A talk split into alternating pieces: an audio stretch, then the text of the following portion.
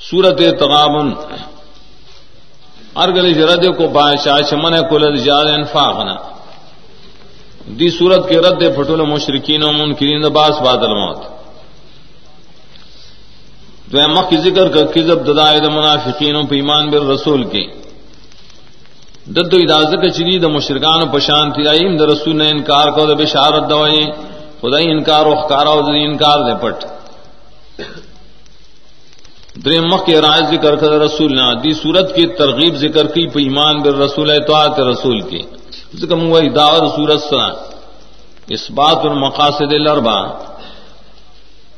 توحید ثابت رسالہ ثابت صدق دا قرآن ایمان بالآخرہ ادائے دا پارا تزہید فی دنیا آخر کی ترغیب الانفاق۔ سوال سسمائے اسنائے توحید پار ذکر کڑی نو لس صفات فیلیا خلاصہ دا دیکھ بیا تسبیح ذکر کی، خدا دا توحید دا پار دا۔ لیکن نور خبر دے اشارہ نشت صرف توحید۔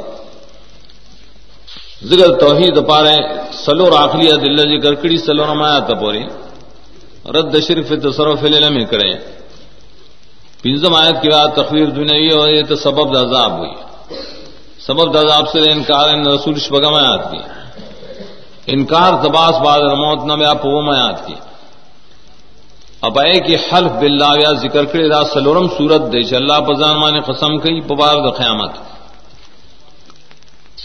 بیا مر کڑے پیمان سرا بدر مقاصد اتم آیات کی دا دری واڑا خبر ہو منے بیا اور پسید بشارت و تخویف۔ یہ ولسم آیات کی ترغیب اور کڑے پ تقدیر بانی ایمان راوڑے آئے تو یہ تقدیر وانی ایمان۔ ما سام مصیبت اللہ، بزن اللہ بزن اللہ، سمر بتقدیر اللہ۔ ومن یم من باللہ ایمان بتقدیر اللہ اب عامر کرے پہ اطاعت والے متقن دول سماعت کی، اور خاص کر پر توحید کی اطاعت کو دیال سماعت کی۔ تیزی اور کرے چ محبت دم دنیا سر مکوائے۔ ولی بعد خود اولاد چر تاسو دنیا د دین ناڑے۔ آخر کے عمل کرے توحید ومن ہے تقوا قرآن اور ہے۔ اطاعت کوئے خرچ فی سبیل اللہ کوئے رائے ترغیب۔ سورت الطلاق.